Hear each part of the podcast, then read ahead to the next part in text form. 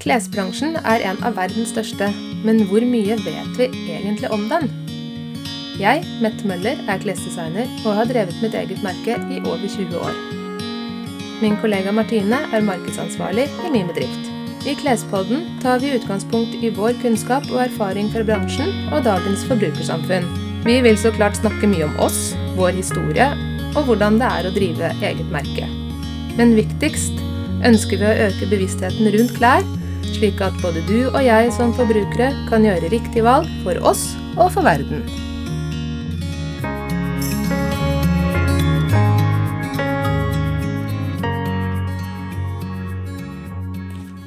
Hei og velkommen tilbake fra sommerferie! Ja, velkommen Martine tilbake fra sommerferie.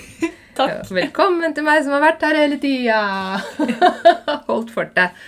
Nå, Ja. Men det er veldig fint å på en måte være litt i gang med eh, normaldagen. Om Ja. man kan kalle denne tiden det.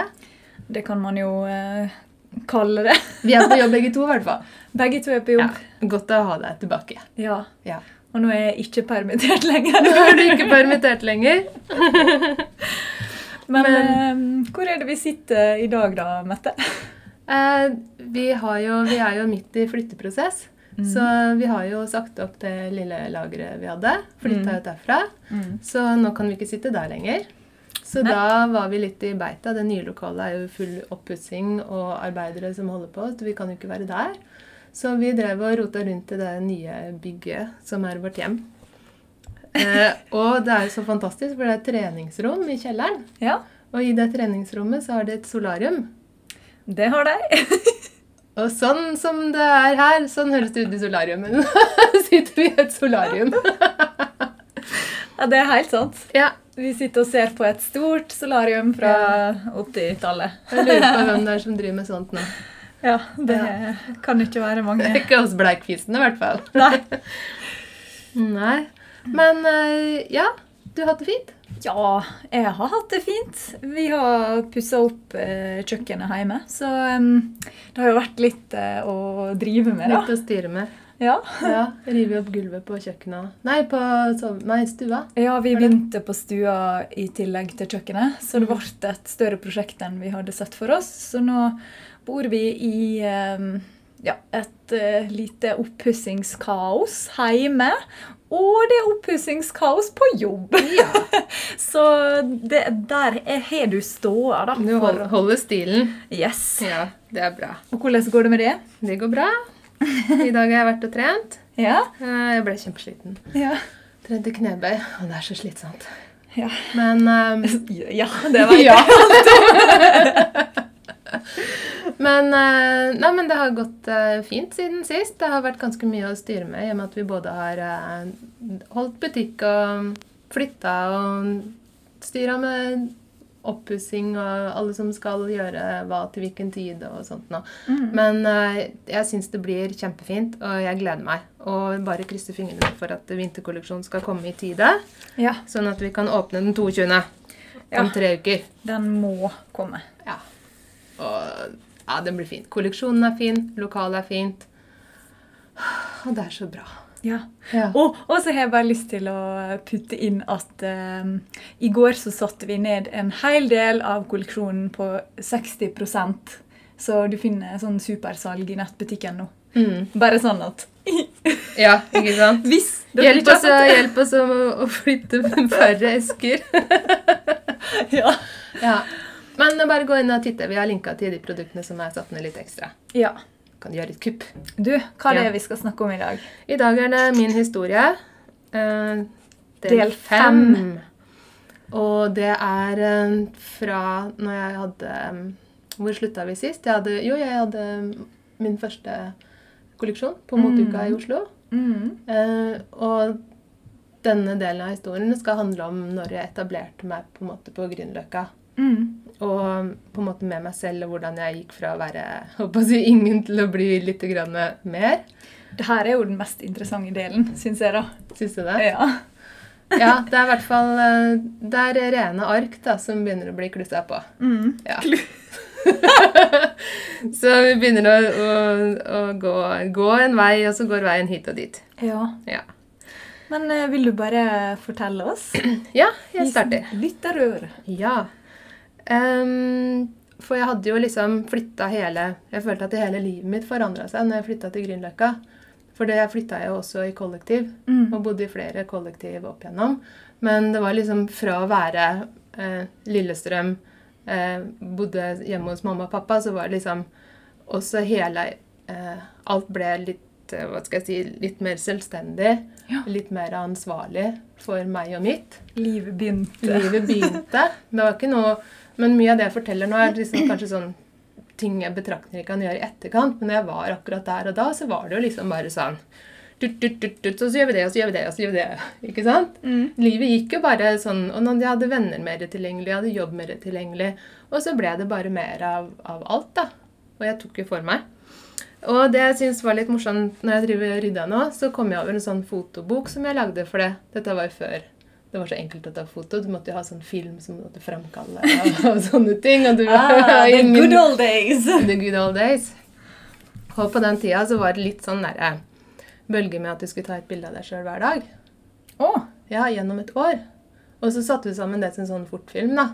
Sånn at du så liksom hvordan du forandra deg. eh, vent, vent, vent. Ja. Det her eh, driver jo folk med nå. ja, men det begynte da. Er det sant? Ja, det er sant. Ok, det er så kult. Ja. Uh, og så begynte jeg med det, men så syntes jeg det ble veldig kjedelig. Og så tenkte jeg at okay, da, for min del da, så syntes jeg det kunne være interessant å ta bilde av antrekkene mine hver dag. Ja. Uh, og på en måte, og så gjorde jeg det, og så skrev jeg en sånn liten snutt om hva jeg hadde gjort den dagen. Mm. Så det var på en måte dagbok i både bilder og litt grann tekst. Og så forteller jeg liksom dette her til venninna, og hun bare 'Å, herregud, det er så teit. Det er bare alle gjør det. Det er bare så teit.' og kan ikke- Ok, greit. Da slutta jeg med det med en gang. Åh. Og det var jo litt dumt, da, fordi at det Ja, det kunne vært spesielt gøy å se, se alle antrekkene, da. Eh, ja. Ja. Men hvor mange antrekk har du? Nei, altså mange... De bildene er liksom Nå fant jeg bare boka Ja. uten bilder. Jeg fant bare teksten. Ja, Men du husker at du tok bilder, liksom? Ja, jeg husker, jeg husker jo egentlig også bildene, men de er litt sånn ja, Mm. her og der. Og det var vanskelig å få autofokusen på selfien. eh, ja. Men det tenkte jeg kunne bare lese litt opp det jeg skrev. Ja. Fordi det, jeg syns at det summerte opp eh, kanskje både hvordan jeg var, og hvordan jeg opplevde situasjonen da. ja. Og hvor gammel var du på dette tidspunktet? Jeg var 25, tenker jeg. 25. 26. Mm. 26 var jeg. Like, nei, like gammel som deg. Du vet jeg. Tida går. Jeg var 26 da jeg begynte her. Nei. Men dette er da fra eh, mandag 29. eh, juli og tror jeg til 12. august eller noe sånt nå. Det er litt sånn korte snutter. Men jeg skal eh, Ja, jeg begynner å lese. Begynner å lese. Mandag 29.7. Jobber med brudekjole i sort burgunder thaisilke. Har kommet meg fra influensa. Lise og Mari kommer på besøk. Konsert med Cowboy Junkies med Anniken. Kjempe. Punktum. Har bodd i Pilstredet ca. én uke og føler meg litt rotløs. Det var et nytt sånn kollektiv jeg gikk i. Mm. Prøver å bli bedre kjent med menneskene der og bruke litt tid på det. Har liten følelse med atelieret enda. Det var full fres med jobb med en gang. Skal bli godt å bli ferdig med brudekjolen. Hun er ganske pirkete, denne bruden. Hun skulle ha sort og burgunder brudekjole. Ja, og det var en sånn, det var to, det var en jakke, lang jakke, og så var det en kjole under. Så det var en ganske stor sak. Hadde på meg nye platåsko den dagen. Lider meg gjennom gnagsår, men holder ut for de ekstra 10 centimeterne. Tirsdag.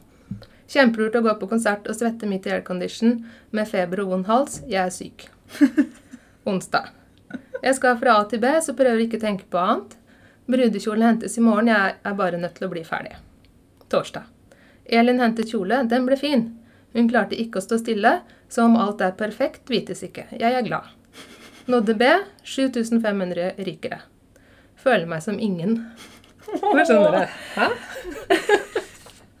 Så rar du er. Ja, ikke sant? Det var torsdag. Så er vi på fredag. Stoffrunde med Solveig. Det var en kunde. Um, lunsj på Coco Chalet etterpå. Eh, Solveig er fremdeles kunde hos oss. Ja. Uh, veldig god og fin jente. Kjøpte skinnfrakk på Uff til 400. Dyrt, men sikkert fin. Føler meg fremdeles som ingen. Som når en puster lenge ut til det er helt tomt, og ikke orker å fylle opp igjen. Jeg lurer på, jeg lurer på om det er litt godt.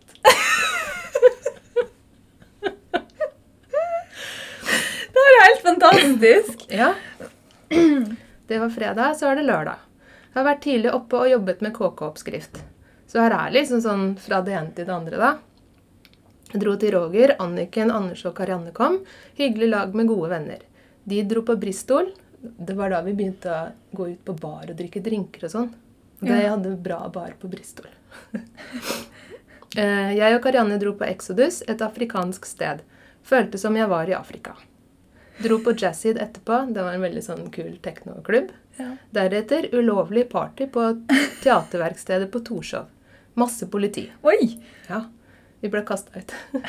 Gikk langs Akerselva hjem. Det var fint. Og så er det ikke noe på søndag. Mandag. Eh, tror det var mandag kveld. Eh, har nettopp hentet fotoapparatet hos Roger, derfor ingen bilder i går. Det er natt, jeg er alene og svever gjennom skumle strøk. Oi! Ja. Yes. Tirsdag. Tur på Langene med Anniken. Strikker KK-topp. Klarer ikke alt selv, skal spørre Anita. Onsdag. Den sorte toppen, toppen strikkes ferdig i dag. Anita kunne ikke hjelpe. Torsdag. Jobber iherdig med KK, så Breaking the Waves er Lars von Trier. Så jeg er liksom veldig opptatt av å jobbe likevel, så klarer jeg å putte inn sånn Å ja, ute og bader og ser på kino og Fredag strikker. Så er lørdag borte. Og søndag 03.00 natt til mandag. Jeg er ikke ferdig. Jeg er ikke helt ferdig med KK, men altfor trøtt til å jobbe mer.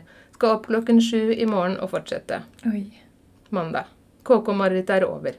Nyttårstoppen er levert med brukbar oppskrift. Drakk kaffe med Anniken og kjøpte nye briller. Tirsdag. Gode venner kom innom. Middag på kjøkkenhagen. Delte en øl med Anniken. Har begynt på kjolen til Solveig. Som jeg da, Det var tirsdag, og forrige påfølgende fredag så hadde jeg jo men- gått på stoffrunde. Onsdag male vegg med pappa. Det var liksom de 14 dagene. da. Og det er liksom Privat og jobb det liksom gikk helt sånn i hverandre. Det var liksom Og det var Jeg, jeg syns liksom jeg bare guffa på hver eneste dag. Og jeg var jo sjuk, og jeg ble frisk. Så liksom jeg var syk, men jeg sa ikke noe om at å, nå føler jeg meg mye bedre. Det var godt å slappe av litt, eller nå må jeg ta det med ro, eller Nei da. Men så jobben var jo livet ditt på en måte, også da, virker det som. Fordi at det, du forteller om liksom, jobbting på samme måte som du forteller om at du var på konsert. Ja, ikke sant? Så, Det er ikke noe forskjell. Det er ikke sånn nå må jeg på jobb da og slutte da. Nei. Det bare, jeg måtte jo bare gjøre ferdig det, og så hadde jeg neste oppdrag, og så hadde jeg neste oppdrag. Men det som var bra, var jo at jeg hadde oppdrag. Ja, absolutt. Og jeg skulle bli ferdig. Bruden skulle ha det til gitt dato, og KK skulle ha det til gitt dato. Og... Så det var liksom på en måte veldig disiplinert samtidig som jeg klarte å, å leve et liv, da. Ja. Så, så liksom man kan si at om man Ja, det var mye jobb, men om man ofra noe Jeg vet ikke hva jeg ofra der. Jeg. Ingenting. Så det, er sånn, det høres jo nesten ut som at du på en måte Ja, du, du har masse jobb, men du har egentlig ikke en jobb, på en måte. Nei. For det er liksom, jobben din er jo bare det du gjør. Ja. ja. Ja. Men dette her var jo i 1996. Og det som var litt uh, morsomt, var det at um, jeg kom over en sånn eh, Skal vi se Nå rota jeg litt i notatene mine. I avhandlingen min. Jeg kom over en sånn der omsetningsoversikt hvor du må jo levere årsregnskap og sånne ting. Ja. Og da liksom hadde jeg hvor mye som jeg tjente i 1996. Og på Ja. hele året, som skulle da dekke både privat og eh, jobb. ja. Og det er å kjøpe inn materialer og maskiner og husleie til kollektiv og husleie til atelier og alt dette her. 196 000. Ja. Ja. Og det klarte jeg å sope inn. Og det, så egentlig så er jeg litt stolt av at jeg klarte å leve det livet. Og få inn den type penger. For det falt meg aldri inn at jeg skulle ta en ekstrajobb. Nei. Eller at jeg skulle ha en pengejobb. Eller at jeg skulle ha noe sikkerhet eller noe sånt noe. Det, for jeg klarte jo akkurat dette her til å gå rundt. Samtidig så er det jo veldig lite. Ja, det er det. Ja.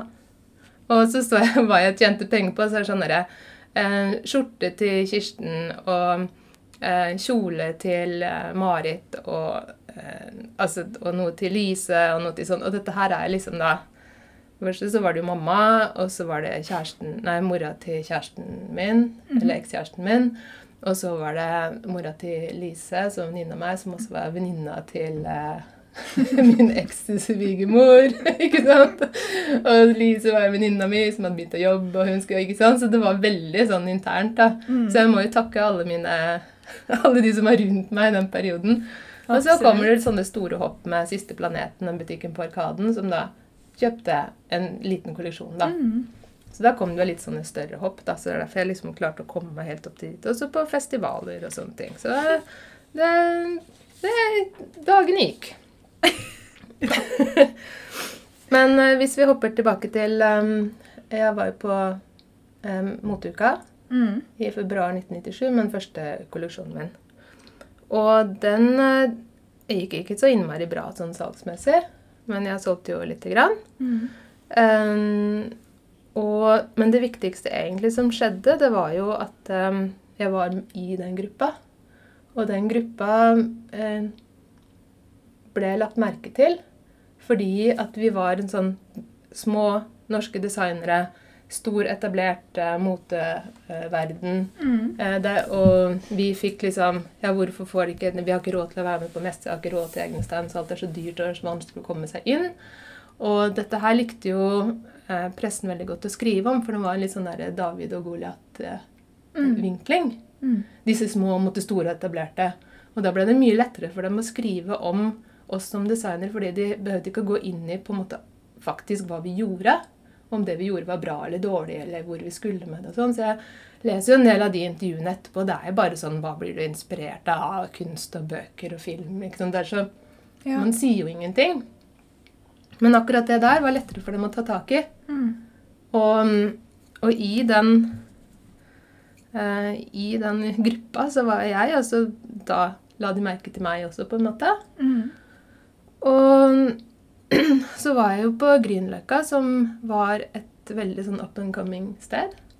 Det poppa jo opp med masse mennesker som gjorde var sånn som meg, hadde på en måte et eget initiativ og egen kanskje drøm om å drive noe. Det var kafeer, eller det var barer, eller det var butikker og sånt noe. Så det var jo et veldig spennende sted i Oslo. Mm.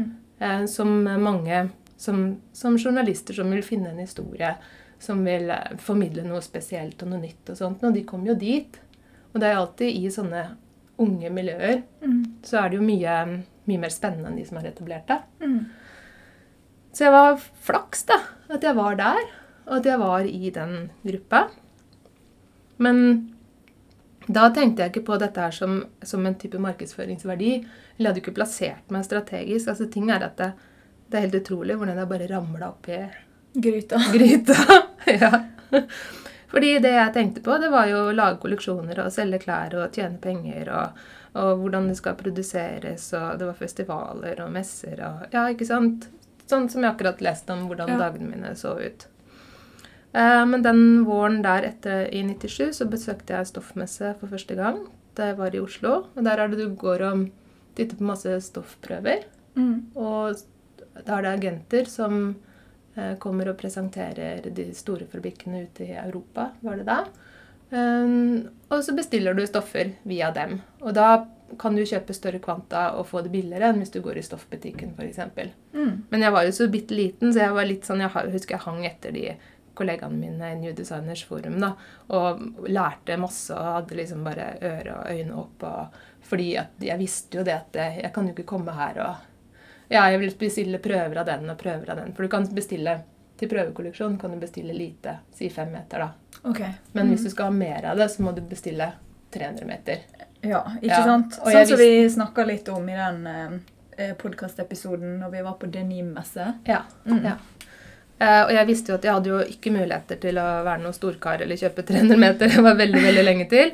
Så, så jeg måtte jo på en måte bare eh, holde meg litt på matta der. Du kan ikke komme der og være storhodet og 'Ja, men jeg vil ha. Ja, men jeg må for min kunst.' Ikke sant? Det er bare glem det. Eh, men de tok Jeg lærte masse. Og jeg bestilte noen prøver og sånne ting, da. Mm. Um, så Um, hadde jeg vinterkolleksjonen som jeg skulle, hadde bestillinger på, skulle leveres på høsten. Og der strikka jeg og sydde sjøl. Um, men det var såpass lite, så det gikk greit. Og så lagde jeg en sommerkolleksjon og prøvde å overføre da disse strikketingene. Og det er litt sånn evig problem for meg. den overføre vinterstrikken til en sommermodus. Mm. For da brukte jeg også jersey-stoffer, men det, på en måte, da blir det jo mye tettere på kroppen. Mm. Og vanskeligere å Altså du har ikke så bredt publikum på det, da. Men jeg lagde en, eh, en liten kolleksjon, og jeg var på en messe igjen i august, og jeg solgte ingenting av den. Tenkte jeg det var like greit, for jeg har ikke råd til å kjøpe dette stoffet. Eller jeg kan ikke kjøpe dette stoffet likevel. Men jeg solgte noen strikkejakker og, og sånne ting, da. Mm. Eh, men det som var litt spesielt med akkurat den tida der, eller da, når vi var på messe, det var det at det, det kom en artikkel i Aftenposten. Okay. Um, og nå viser jeg Martine et bilde som jeg skal legge ut på bloggen etterpå. Og der Etnisk mangfold.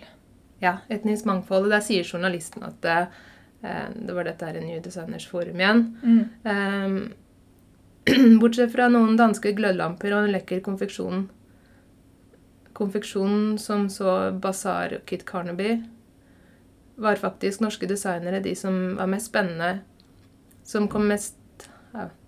Var faktisk norske designere de som kom mest spennende ut av en motemesse på det svært jevne. Dessverre hadde ikke alle involverte i design, New Designers Forum anledning til å stille ut på messen, men desto mer oppmerksomhet omkring, og så bla, bla, bla, så forteller om de fleste. Mette Møllers klær uten like, som, utme- som utmerker seg i sin minimalistiske håndtering av stoffmiks som flis, chiffon samt orientalske mønstringer mot ensfarvet strikk. Så det veldig, akkurat det her var veldig utypisk meg. Det er veldig sånn blomstrete Ja. også, men det er fine sånne oransjetoner. Og jeg hadde lagd den kolleksjonen, tatt med meg Mari, som jeg bodde i kollektiv med, ut i parken i Birkelunden. Tatt disse her bildene i det der lille lysthuset. Ja. Og da er det sperrereflekskamera som du ikke har noe kontroll på. ikke sant? Så det var liksom 50-50 om det der ble bra. Men da kom journalisten og sa liksom sånn Nei, ja, det var jo fine bilder, hvem har tatt de? Og sånn, Nei, de har tatt sjøl. Er det sant? Har du tatt dem? Ja, det har jeg. Ja, de var jo faktisk ikke så verst. Og så fikk jeg låne det ene, da, og så plutselig så kommer det i Aftenposten. Stort bilde, 32 cm i høyden. Det er liksom Det er høyere enn et A4-ark. Det var sånn Oi! Og så var det noen stylister som så det, som da ville bruke Ble kontakta av KK seinere. De skulle lage en moteserie. Ja. Og brukte to av antrekkene mine der, så jeg fikk to helsider i KK. Og dette her er jo kjempeverdi, ikke sant? Ja. Så ja, jeg solgte ikke noe klær akkurat da av den kolleksjonen, men den kolleksjonen var såpass eh, visuelt eh, eh, Den var så visuell da, at den var interessant å bruke i en sånn foto, Mm. eh, fotoreportasje. Det er jo litt sånn eh, morsomt at du sier det der. fordi at eh, det er jo litt det man har hva skal jeg si, inntrykk av når man ser i disse her motemagasinene. og sånn. Det er jo på en måte veldig ofte eh, avbilda eh, klær som kanskje ikke folk flest kan gå rundt i. Ja, Um, de vil jo ha noe som er liksom wow. mm, Så ting som ikke selger, er veldig ofte avbilda sånne steder fordi at det er der de har sin funksjon. da. mm, Men det gjorde jo at eh, navnet mitt eh, planta seg rundt omkring. absolutt. Og jeg tenkte jo ikke så innmari mye på det. Jeg tenkte på at jeg skulle ha råd til husleie. så, men etter det Men den derre KK det kom jo ikke i bladet før på en måte en stund etterpå, men allikevel det var liksom ballen hadde begynt å rulle litt. da. Mm, Jeg begynte å bli et navn som kanskje var interessant for journalister. mm, Og det poppa litt, sånn litt opp her og litt der. ikke sant? Mm. Og da er det sånn Å, hva med henne? Kanskje vi skal bruke um, Ja. det Men blir notert på blokka, liksom. Ja.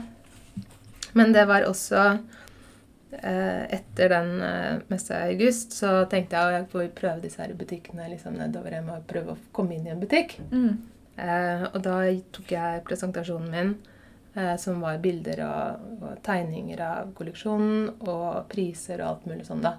Tenkte jeg får bare liksom vise det først, og så kanskje komme med klærne etterpå hvis det er interessant, så jeg ikke liksom tropper opp i en butikk eh, uten avtale med full kolleksjon. Ja. ikke sant?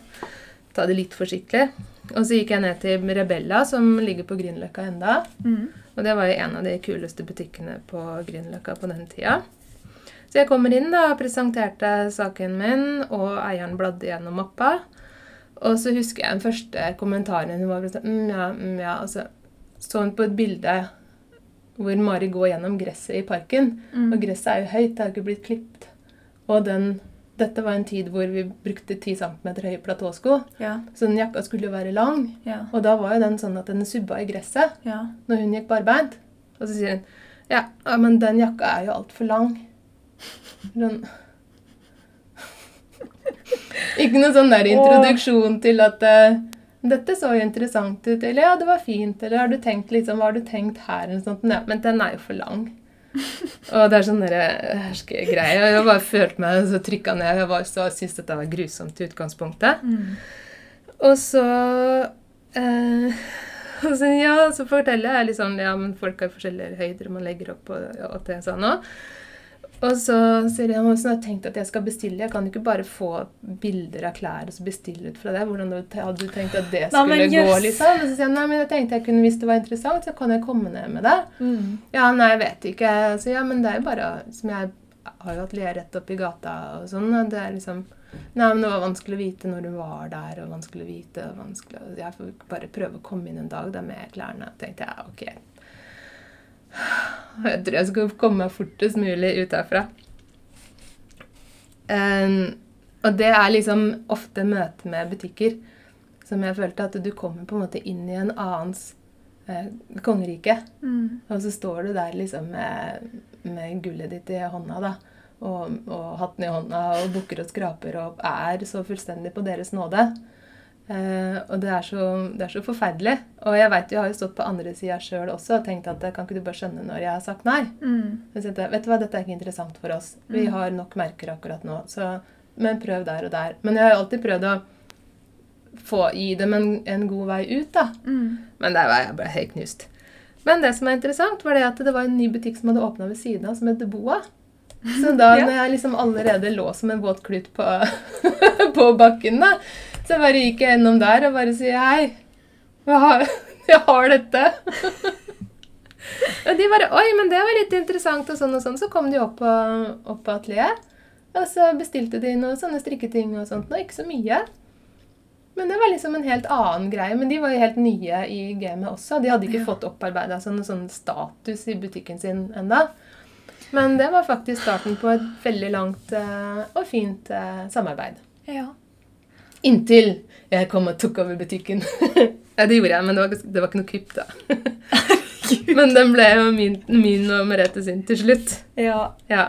Nå skal jeg bytte ark. Jeg skal prøve, prøve ikke blafre, Martine. Du blafra alltid. Ja, da skulle du drept meg, så jeg håper at vi kommer ut av døra med helsa i behold. Nei. Ja. Så det er liksom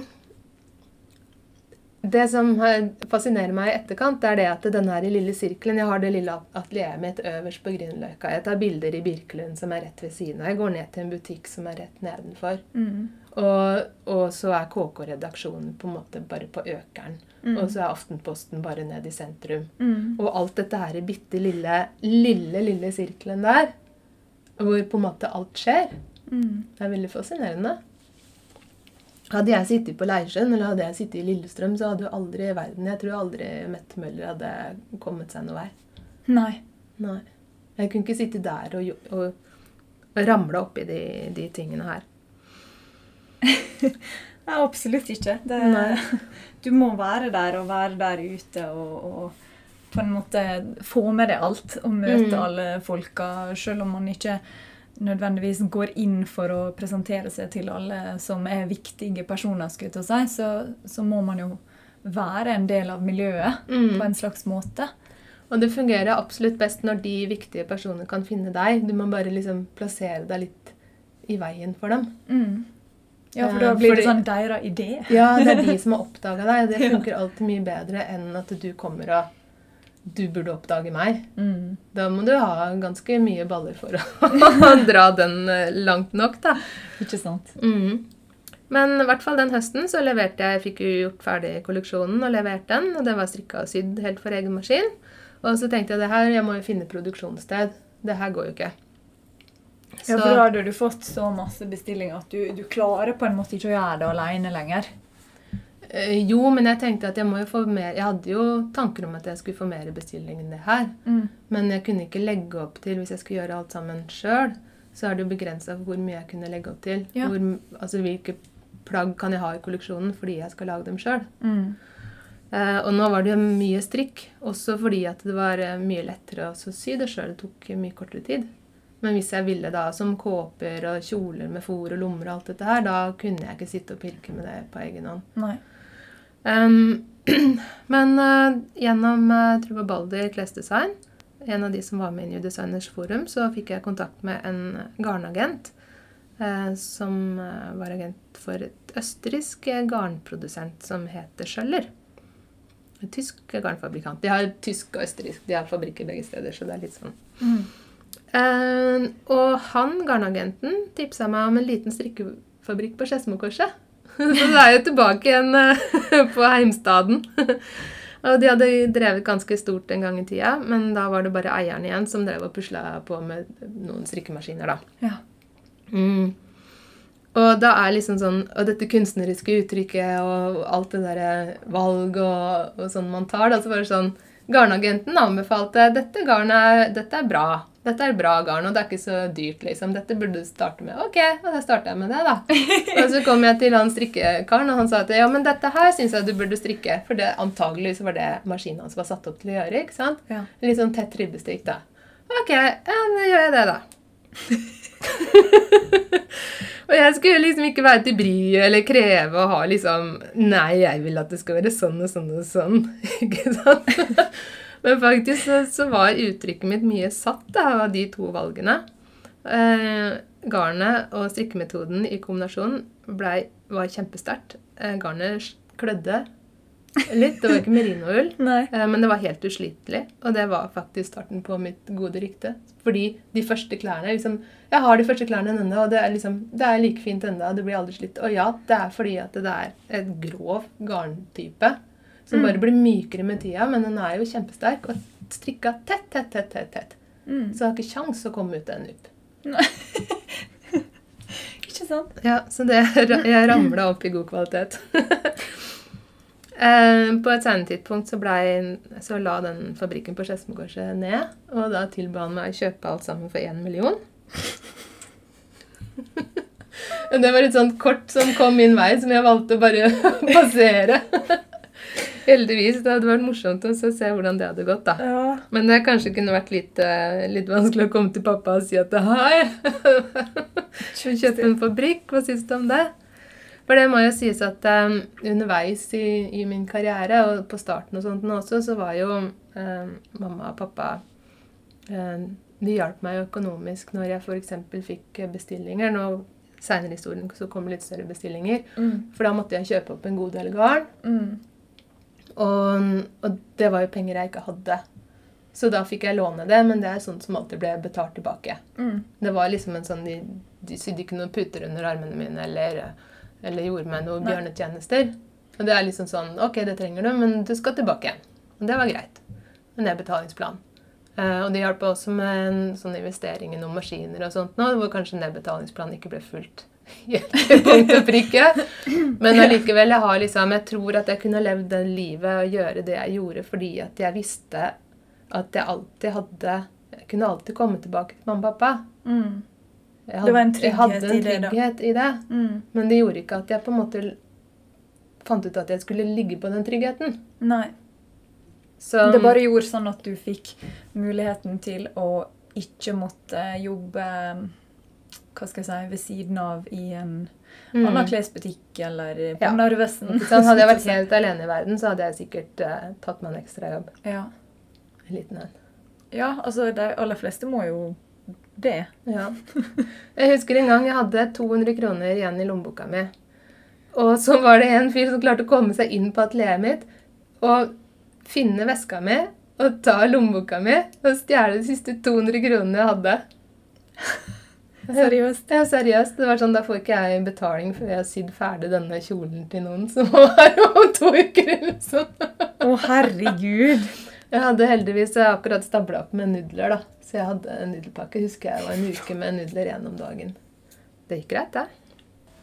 Ja, dette der eh, Jeg skulle Ja. til å si eh, Jeg kjenner igjen eh, studenttilværelsen Mm. med knekkebrød og nudler. Mm. Og ikke ha noe penger. Eller det vil si prioritere å bruke pengene på eh, øl istedenfor Ja, mat. ikke sant? Ja. ja. Ja. Da hadde jeg ikke penger til øl engang. Nei. Men videre. Eh, kolleksjonen, eh, Den 98-kolleksjonen, hvor det var den første da vi hadde fær, For da strikka det jo han karen han strikka jo metervare til meg, Mm. som jeg klipte ut og sydde Mm. av. Og da hadde på en måte mm, oppmerksomheten og ballen begynt å rulle mer og mer. Og gjennom eh, Røffe Rudolf, som var den første kunden min på Røros, som kjøpte av den første kolleksjonen, Mm. så um, fikk um, hun tipsa en agent av meg. Gunns agenturer. Så i den vinter 98-kolleksjonen så fikk hun deler av kolleksjonen som hun viste fram til sine kunder. Mm. Jeg stilte ut på messa sammen med New Designers Forum igjen. Mm. Og hun hadde en del av det. Eh, Men da hadde jeg jo Siste planeten. Boa hadde kommet mer på bane. Og jeg fikk ganske store bestillinger. Ja, du, du hadde jo på en måte etablert det ganske bra i Oslo da, når du hadde Ja. liksom Da begynte jeg å få et navn, og, og klærne mine solgte i butikkene. mm. Den siste planeten kjøpte kjempemye. Da hadde jeg en sånne Jeg brukte denne strikken utapå, og så hadde jeg noen altså jakker sånn hettejakker hvor det var fora med velur. Som var litt sånn skimrende blå eller skimrende svart. og sånn, Så hadde jeg liksom kombinasjonen med svart og blått. Mm. Og de var enten sånn helt kort, eller sånn til midt på kneet, eller helt lange fotside. Og det er klart, når jeg hadde da når jeg hadde skinna meg, og jeg gikk med en sånn lang frakk og de svære platåsko og sånt jeg, jeg skjønner jo det at jeg var på en måte eh, litt sånn pressevennlig, da. Ja. Sånn, ja. det er jo sånn som de ønsker å, at du skal se ut. ja. Du, du, er noen, du er ikke bare sånn flink pike. Sånn, sånn i det ytre, da. Eh, men det, eh, den runden der endte at jeg fikk eh, ordre på 300 000 kroner. Bare på den ene kolleksjonen. ja.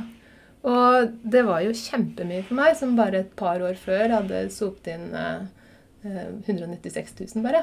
Mm.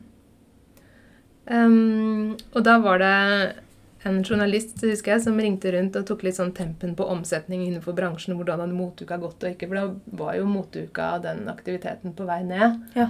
Eh, og så 'Å, det godt. kjempebra'. Så jeg 'Å ja, så bra, da'. Ja, 'Vi har fått masse nye kunder og, og sånn solgt, og de har kjøpt masse og sånn'. Og så 'Å ja, men hva er tallet? Hva er tallet?' Ikke sant? 300 000! Så jeg hun bare Mhm. -hmm. så hadde, hadde jeg sagt tre millioner, så hadde hun kanskje blitt litt mer imponert. For her Ja. sammenligner hun meg med, med svære merker, ikke Ja, sant? ja, ja. Mex og, og, og sånne ting. 300 000 er jo bare en liten fisle. Men altså, for meg da så var jo det selvfølgelig Jeg hadde jo gått opp mange hundre prosent. Ja. Jeg var strålende fornøyd. Og da hadde jeg jo fått eh, noen som strikka for meg. Og jeg lånte penger av pappa til å bestille garn og strikk og brette opp armene og satt i gang. Jeg hadde hele våren og sommeren på meg til å lage 600 plagg.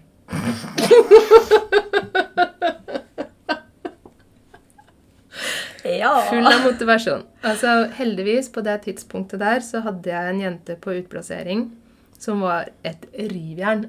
Det var Sonja, og hun var fra Sveits. Og hun eh, kom jo til Norge for å mm, ja, for å lære arbeidslivet. Hun hadde norsk kjæreste og sånt nå. Hun, også, hun begynte jo sitt eget merke etter hvert. Mm. Men altså, det var to stykker på full fres. Og vi klarte selvfølgelig å levere. Um, jeg hadde en sånn liten test. Hvis jeg, hvis jeg klarte Hvis jeg jobba en dag helt uforstyrra, Mm. tolv timer, så klarte jeg å lage tolv gensere som var ferdigklipta. Ja. Men da er det uforstyrra på den måten at det, eh, det skjer aldri noe med maskinen. Den bare går jevnt og trutt. Ja. Eh, det kommer ingen innom, det er ikke noe avbrytelser. Ikke lunsj? Mm, jo, det er jo lunsj, men det er jo ja, ikke, ikke noe som skjer. Da. Du får ikke noen telefoner. Nei. Ingen sånne ting. Så det, men altså, Sonja var helt fantastisk. Men det var helt For det var også et tall jeg kom over nå når jeg drev og rydda. Mm. En sånn oversikt over hvor mange av hver, og så telte jeg over det. Herregud, 600. Og det var jo også da plagg som var ja, fora med lommer og hele opplegget. Mm. Et styr, altså. Eh, ja, det Det høres sånn ut. Ja. Satan, hvor du har jobba. ja. Eh, men på det tidspunktet her så var jeg liksom kommet inn i rutinen. Jeg hadde presentert det på kolleksjonen min på messa. Eh, Jeg fikk eh, ordre, jeg bestilte, jeg sendte ut, jeg fikk betaling, og alt gikk som greit. Mm. Og eh, pressen kom mer og mer på banen. Og klærne mine ble oftere utlånt eh, til moteserier. Og det var veldig populært på den tida å ha sånne der norske designere, norske designere. Mm. Og da var det ikke så himla mange å ta av, så jeg blei jo ofte plukka ut til det. ikke sant? Det Ja. var sjelden da at jeg ikke var med på en sånn uh, runde. Mm. Uh, som var bra. Det var, det var L L hadde jo kommet da. Eh, det var Tic, som var et veldig bra norsk moteblad, som var litt sånn D2 og L-aktig. Veldig seriøst og fint. Um, og det var Kostym kom etter hvert. Og KK og det nye. Og da var det mange motemagasiner. Mm. Så det var liksom, Og så begynte den der konkurransen i hendene også. Det, det kommer seinere. Ja. Men det ble ganske mye brukt. Og jeg har lagt ut masse av disse bildene på, på bloggen. Så den sommeren i 98 så deltok jeg på moteuka igjen. Men det her var faktisk første gang hvor jeg hadde stand helt aleine. Å ja. For jeg følte det var, nå var det på tide å bryte ut. Og moteuka begynte å dele seg opp i og med at de begynte å gå dårligere og dårligere. Så måtte de finne opp på nye ting. Så det var en sånn del som heter Future Fusion eller et eller annet. Mm. Sånn. Og da hadde jeg en kolleksjon som var i jersey som var blank, sånn sølvskimrende. Mm. Som var kombinert med striper i hvitt eller rødt, så veldig sånn energisk. Mm. Og samme plaggene hadde jeg lagd i den eh, tynne ribbestrikka ulla til Janus. Den som de bruker i undertøyet sitt nå. Oh, ja. Og så var det sydd sammen med en sånn flatlock-søm, som er en um, overlock-søm som er helt flat. Som på en måte kombinerer Det, det er mye brukt i barneklær og sånt, og babytøy og sånn, faktisk. Mm. En sånn uh, overlock-søm som er helt flat. Går sånn sikksakk. Sånn, ja. Ja. ja. mm. Alle visste hva det var nå. Um, og da fikk det jo et veldig sånn sporty og litt sånn engleaktig uttrykk samtidig. Og tok eh, kjempefine bilder, og det brukte jeg en, eh, en annen en profotograf og sånt. Så jeg begynte å komme meg litt i, i svingene her, da. Eh, og den eh, solgte jeg bare til den siste planeten, fordi at det igjen så begynte eh, For Gunns agenturer, som hadde også Husfliden som mange av sine kunder, Mm. så blei dette for ungt. Ja. Ikke sant? Men for den siste planeten så var det helt perfekt. Ja. Uh, og der var det uh, Det med den agenten hun, hun gjorde jo en god jobb for meg, og hun fikk spredd klærne mine utover i Norge. Mm. Og, uh, men hun hadde jo på en måte et, et mer voksen publikum. Ja. Og så var det siste planeten som var den yngre tekno Mer kroppsklær, da, om man kan si det sånn. Ja, ja. Litt sånn klistrete.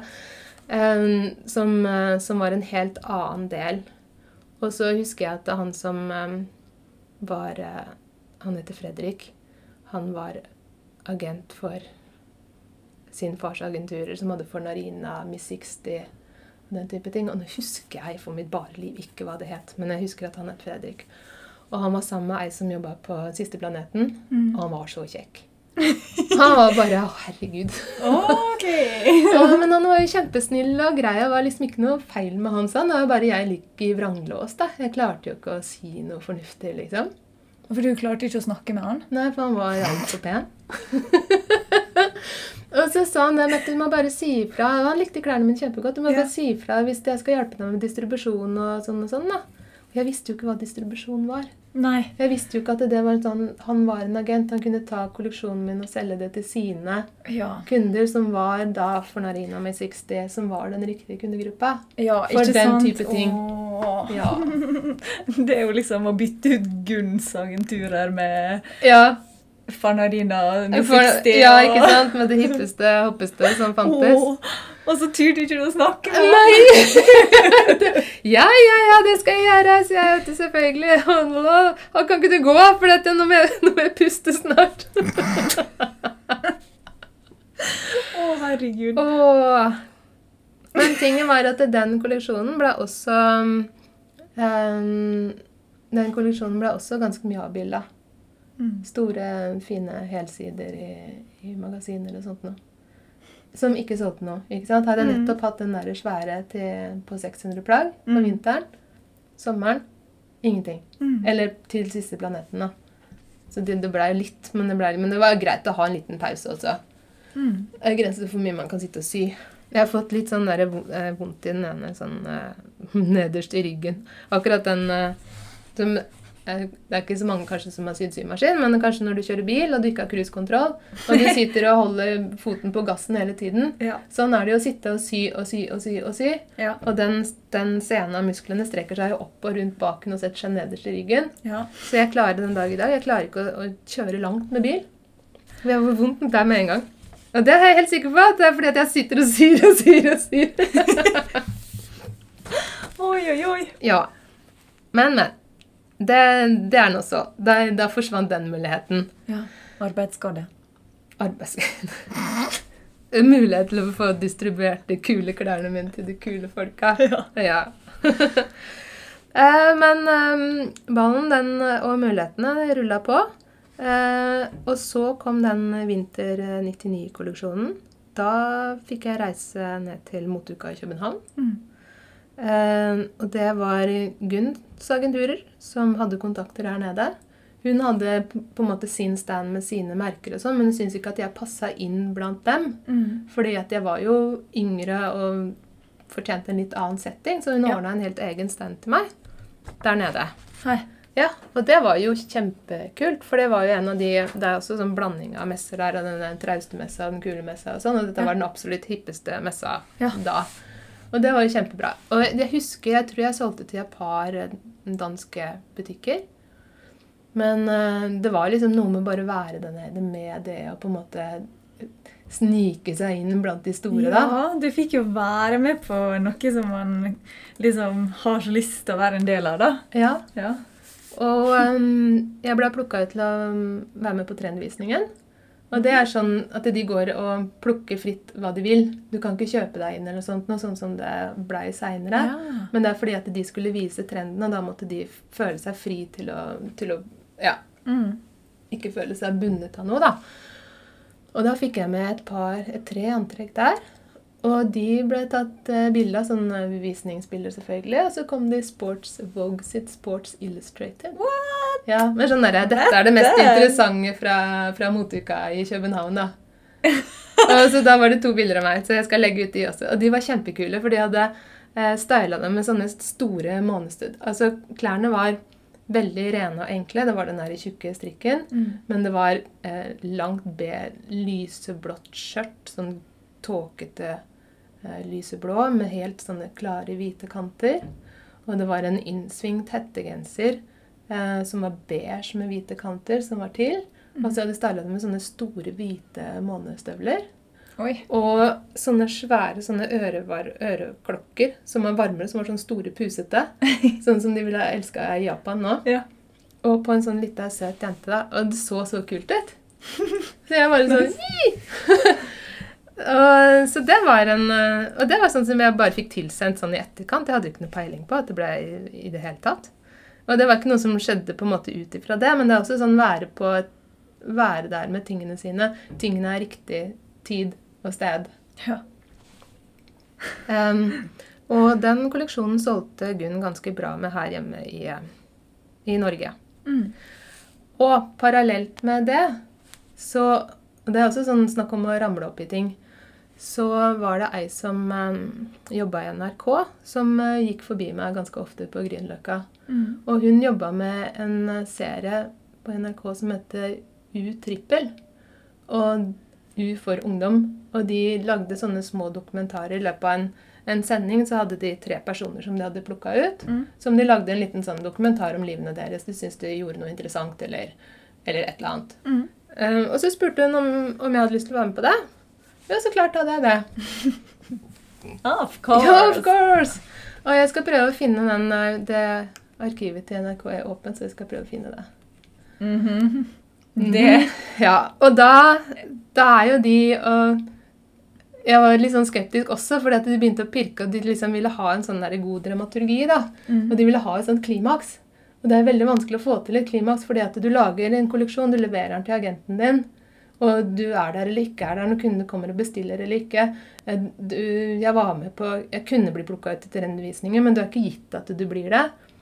Ikke sant? Så det er ikke noe sånn yay-øyeblikk. Og nå er alt ferdig, og det gikk så bra. Ja. Det kommer bare sånne småpopper, liksom. Så de, de sleit litt med det, da. Jeg husker de liksom, Men eh, liksom dagen før moteuka, kanskje vi liksom kan komme hjem til dere, og så skal du våkne opp sammen med eh, kjæresten din, for da var jeg sammen med Roger, da, Mm. som jeg gifta meg med. Og, og så skulle de komme da på morgenen, da, og vi skulle ligge der i senga og liksom Og i dag er den store dagen, som ikke var den store dagen, men de trengte den store dagen, da. Ja. Og Roger bare eh, Nei. ikke. ikke. Og jeg var egentlig helt enig. Var veldig, veldig deilig at han på en måte kunne si nei, jeg kan Ja. ikke fordi han vil ikke. Ja. Ja, Så de prøvde å finne sånne ting. Og så hadde jo Gunn sånn pressefrokost med alle disse her fancy stylistene og pressefolka, de viktige folka, Mm. og med min kolleksjon. Og de skulle da, og det var sammen med en svensk designer som heter Nygårdsanna. Mm. Og hun, de kom nok mest pga. Nygårdsanna, men hun prøvde jo på en måte å snike meg inn der òg. Og da skulle jeg være der for jeg kunne prate med dem. Og sånn da. Mm. Og dette her var bra for uh, NRK-folket, vet du. Her kunne de være med. Og jeg var så flau. Ja. Jeg sitter på den og jeg har et anstrengt forhold til disse stylistene Ja. og, og journalistene i utgangspunktet. Som jeg sa, de må finne deg. Ja. Og så, og så her er dette Mette, liksom. Og her kommer jeg med et lite filmteam. Ja, fy flate. Og så skal jeg liksom Denne situasjonen hadde vært skikkelig vanskelig for meg i utgangspunktet uten å ha de der. Mm. Og nå ble det bare helt grusomt. Mm. Og hun sa Mette, kan ikke du gå bort og, og snakke med henne nå? Er ikke det den stylisten sånn og sånn? Kan ikke du gå og snakke med henne? Og så, og så kan vi filme her. Oi, oi, oi, Det det var grusomt. Forferdelig ut. Helt forferdelig. Eh, men, eh, og jeg ser, når jeg har sett den eh, snutten etterpå, så ser jeg jo at det er tider hvor i, i øya mine at jeg bare sånn Å, herregud. Og, og så liksom sånn Ja, men jeg skulle levere en kolleksjon. Det var den sommerkolleksjonen da, som bare Siste Planeten ville ha. Jeg skulle ned og levere den til dem. Og jeg hadde sagt ifra nå kommer jeg med et filmteam. Nei, vi vil ikke ha noe filmteam. Jeg vil ikke være Ja, men please, liksom. Ok, det er bare kort. Og du ser jeg kommer opp den rulletrappa og bare setter det verste mugne blikket inn i kameraet. Og bare Dette skal vi ha overstått. Men eh, da kom jeg på TV òg, gitt. Ja. Ja. Og etter, etter det Hun som I jobber Vogue på TV. Ja, ja, ja. Altså, hun Gunn fikk det til, hun. Ja, ja, ja. Men jeg tenkte dette er sånn som bare skjer, liksom. Ja. Jeg hadde jo ikke noen tanke om eh, hvor eksepsjonelt flere av disse tingene var, da. Mm. Og jeg tenkte at de plukka jo, og mest sannsynlig også, de plukka jo bare meg fordi at hun gikk fram og tilbake, og Mm. her er det ei som sitter og jobber døgnet rundt og, Mm. og, og er kul på Grünerløkka, liksom. Har kort hår og, og platasko. Og lange kapper. Ja. Men etter den eh, U så var jeg jo litt sånn inne i sirklene i NRK. Og da var det et ganske nytt program som de starta da, som heter Puls, som går enda. Ja. Og da var det blant annet hun Helene Sandvik eh, eh, som var programleder. Mm. Og det er hun som er den Helene besøker forskjellige Ja. steder. Mm. Eh, og de begynte å bruke den kolleksjonen som jeg hadde ute da. Og det, de hadde den i sin vignett. Og det var da to jenter som løp rundt i en, to strikka, hette strikkajakker og, og en en i rødt og en andre grønt eller et eller annet. Så det var Ja. veldig fint. Men den kom jo da foran hver eneste sending. Som hver eneste program de hadde. Så det kom jo utover hele landet. Og vi fikk jo masse telefoner, folk som hadde ringt. 'Å, hvor er de jakkene?' og sånn og Mhm. sånn. Så da fikk jeg liksom sånn oppblomstring bare på grunn av det, da. Ja. Og da begynte jeg liksom å bli et litt sånn navn. Og butikkene var da mer interessert fordi at eh, jeg var mye mer rundt omkring. Mm. Og da lagde jeg også alt sjøl. Der har jeg ikke noe tall, men da hadde jeg to Da var Sonja gått over og begynt for seg sjøl. Men da hadde jeg to, to andre. Ei på utplassering og ei som jeg hadde ansatt. Mm. Um, og vi sydde alt dette her igjen, og det var liksom sånn Ja, sånn er livet her. Vi syr 600 plagg, liksom. That's what we do! That's what we do. Så ja. Så historien tror jeg stopper ak der akkurat nå. Ja. Fordi at um, det som jeg ser skjer på dette tidspunktet eh, Lite grann om, um, om hva jeg faktisk lagde. Mm. Om utseendet på tingene. For først så strikka jeg ting sjøl. Jeg er liksom meg sjøl tro med det at jeg har farvegrupper og ton-i-ton farver og sånt nå. Mm. Og det var sydd sammen med denne flatlock-sømmen som, hvor sømmene da ble veldig tydelige også i en kontrastfarve. Og det var strikk, og det var, det var jersey. Mm. Og så lagde jeg um, sånne riller på en måte i strikken som gjorde at du får sånne, sånne sømmer som står litt ut. Mm. Em, som jeg da hadde nederst på skjørt eller nederst på armen og sånt, for å lage litt mer dynamikk når plaggene var ensfarga. Så det ene var at eh, det var striper og farver som, og colorblokk. Mm. Og så var det ensfarga med de rillene, som, like, som da igjen snakka med stripene, ikke sant? for det var bare striper gjort på en annen måte. Ja. Eh, og det var figurnært, og pga. disse platåskoene så kunne vi ha lange, lange lange skjørt og lange lange bukser og alt mulig sånn. Mm. Så silhuetten var jo veldig eh, på en måte figurnær og smal. Hmm. Hmm.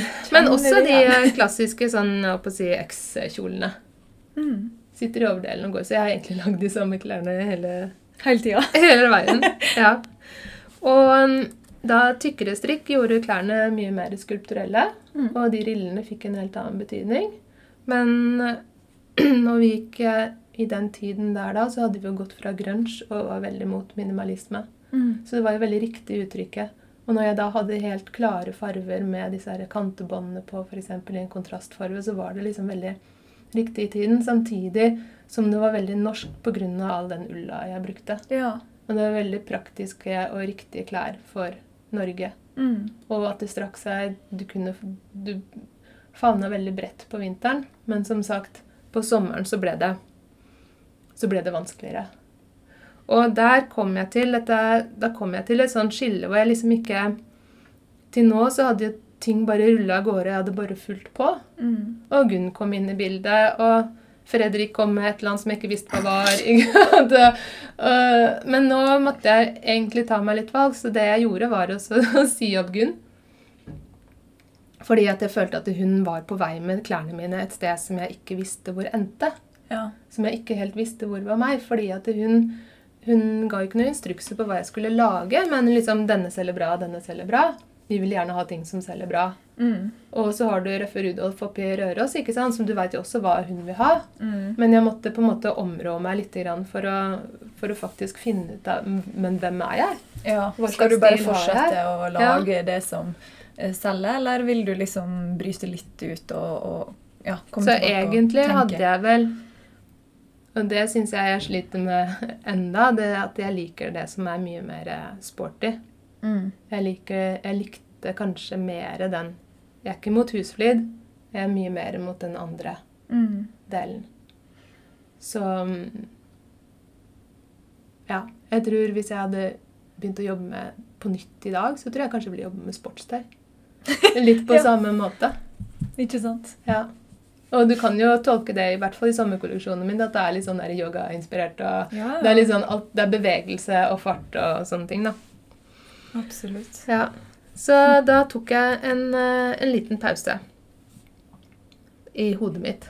I- Ikke i aktivitetsnivå, men da på en måte kutta jeg det ned. Ja. Men eh, sånn eh, Og det vi snakker om neste gang, er jo mine nye samarbeidsformer med mm. andre designere, og hvordan jeg på en måte eh, fikk en større og morsommere rolle i, i norsk designliv, kanskje, da. Sånn Mhm. samarbeidsmessig. Ja. Um, men akkurat her, på dette tidspunktet, vil jeg vel si at med den siste kolleksjonen i 99, som var så ren og sterk uh, i uttrykket sitt, og den kom jo i Sports Illustrated, og jeg mm. følte liksom at det, det var riktig, Mm. men jeg hadde ikke uh, Frontene var for forskjellige i Norge. Mm. Så jeg at det var akkurat der definerte jeg meg. Akkurat der tok jeg faktisk et helt eget designvalg. Mm. Hvem vil jeg være? Mm. Hvem er jeg? Ja, Yes. det var det for i dag. Link til bloggen der alle bilder er og sånn, det finner du selvfølgelig i episodebeskrivelsen. Vi snakkes.